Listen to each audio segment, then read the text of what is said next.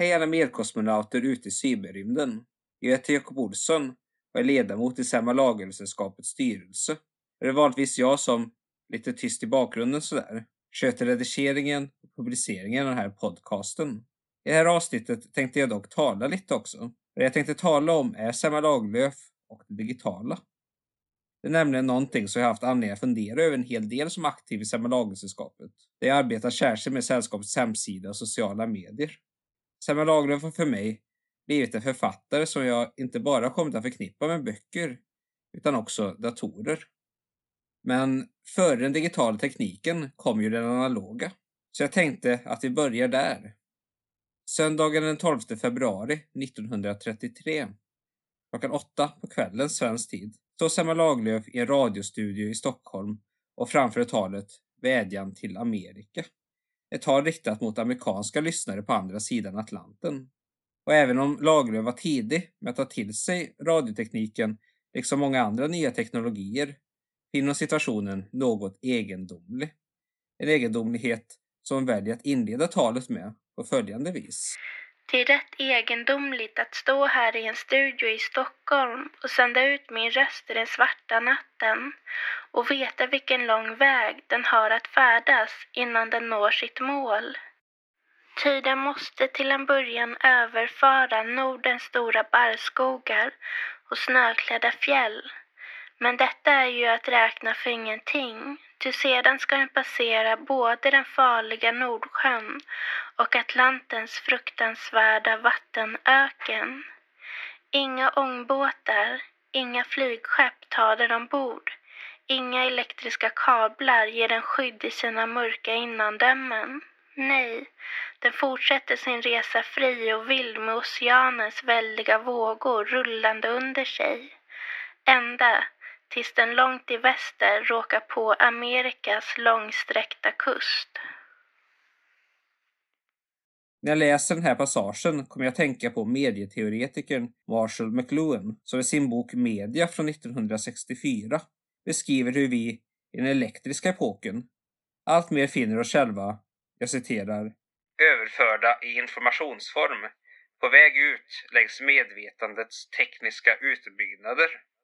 En tillvaro som Lagerlöf beskriver på ett så typiskt Lagerlöfskt sätt här i Vädjan till Amerika. En kan ju då fundera på hur egendomlig Lagerlöf inte hade funnit vårt samtida tekniklandskap, där de utsända rösterna tagit digital form och allt mer otaliga och outtröttliga rör sig hela planeten och bortom den i form av ettor och nollor. Det är ett tekniklandskap där NASA inte bara kan landa sin landsfarkost Perseverance på planeten Mars, utan också fästa kameror på den, filma och skicka inspelningar tillbaka till jorden för att sedan göra videoklippen tillgängliga för hela den uppkopplade världen. I jämförelse med detta är till och med den farliga Nordsjön och Atlantens fruktansvärda vattenöken som Lagerlöf talar om numera att räkna för ingenting. Men bland marsinspelningarna och många andra röster som trängs i den digitala världen finner vi ju också samma laglös röst fortfarande. Då jag i stunden som jag spelar in det här söker på samma laglös namn i sökmotorn Google får jag över 1 600 000 träffar.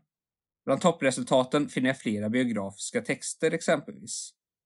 På bland annat Wikipedia, hemsida för Albert Bonniers förlag och Novelix, historiesajten, Riksarkivet, Visit Värmland, Nordic Women Film och Litteraturbanken. Jag finner också, särskilt glädjande tycker jag, Selma Lagerlöfsällskapets hemsida. Och sorterar jag träffarna efter tid så ser jag att det varje dag dyker upp nya saker relaterat till Selma Lagerlöf. Dagen då det här spelas in har Sveriges Radio lagt upp ett program med titeln Selma Lagerlöf, kärlek, kvinnor och banbrytande konst, till exempel. Flera Lagerlöf-böcker har lagts upp på försäljningssidor och en text publicerats i den digitala upplagan av Nya Värmlandstidningen som diskuterar en fråga i tv-programmet Kontrapunkt där Lagerlöf nämnts. Ett program som i sig finns tillgängligt på SVTs digitala playtjänst. Vi finner information om Lagerlöf-utställning i samband med Pride-firandet i Malmö, ett blogginlägg av Selma Lagerlöf och Fågelsjön Tåkern, en video om Selma Lagerlöf och Nobelpriset på franska Letamps hemsida, ett studentarbete skrivet vid ett universitet. Ja, jag skulle kunna fortsätta på detta vis hela dagen. Under den tiden hade lika många nya digitala Lagerlöf-röster dykt upp. Lägg till detta att Selma Lagerlöfs hela författarskap finns tillgänglig på sidor som Litteraturbanken och projekt Gutenberg. Att digitaliserade handskrifter, filmklipp och ljudinspelningar av och med Selma Lagerlöf finns med i otaliga databaser och arkiv etc. Och det framgår med all tydlighet att hon, såsom så mycket annat idag, har digitaliserats.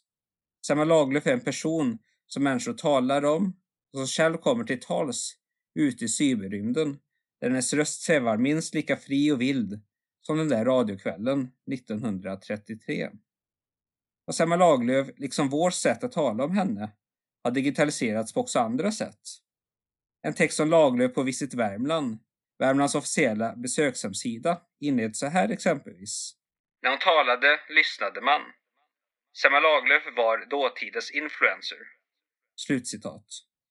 Tanken om Selma Lagerlöf som influencer, alternativt influerare för den som söker ett försvenskat alternativ till det engelska låneordet, är inte helt olik andra moderna Lagerlöf-föreställningar. Jag tänker då bland annat för den Laglöf som vi finner i Anna Nordlunds biografi Selma Laglöf, Sveriges modernaste kvinna. Här porträtteras Laglöf som en förkämpe i sociala frågor, mån om att anamma nya teknologier, välkänd långt utanför Sveriges gränser. Liknande associationer väcker ordet influerare, som på samma sätt för tankarna till det aktuella, till det globala och till nya teknologier. Och är lätt att se lockelsen i bilden av Selma Lagerlöf som influerare, som sin tids motsvarighet till den digitala aktivisten, entreprenören och kosmopoliten. Inte minst som ytterligare ett sätt att motsätta sig bilden av den naiva sagoberätterskan Selma Lagerlöf. Detta spöke som ständigt tycks hemsöka Lagerlöf-entusiasten.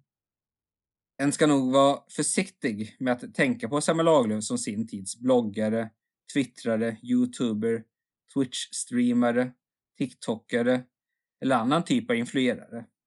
Det är nog på många sätt en anakronistisk fälla, som så mycket annat, då vi söker sätta in en person i ett annat historiskt sammanhang. Men samtidigt säger oss kanske också något glädjande och hur människor vill göra Selma Lagerlöf till vår tids Selma Lagerlöf.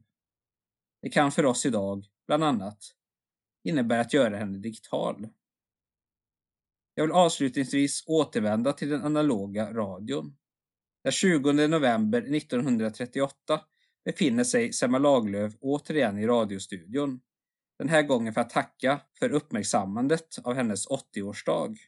Ett uppmärksammande som väcker ett hopp hos henne om att, säger hon, det verk som hon efter fattig förmåga sökt utföra ännu lever kvar och kanske ska leva kvar i någon mån då hon själv var försvunnen. En brukar, ofta som en varning, säga att internet aldrig glömmer. Det går aldrig att radera det som någon gång har laddats upp i detta väldiga digitala minne. Det här är ett av de många sätt varpå Selma Lagerlöf och hennes verk lever vidare i våra dagar. Och med det loggar jag ut och avslutar inspelningen. Då ni hör det här, på en helt annan tid och plats än för mig här nu, har den laddats upp och anslutit sig till otaliga andra digitala Lagerlöf-röster. Visst är det, för att låna Lagerlöfs ord om radion, lite egendomligt.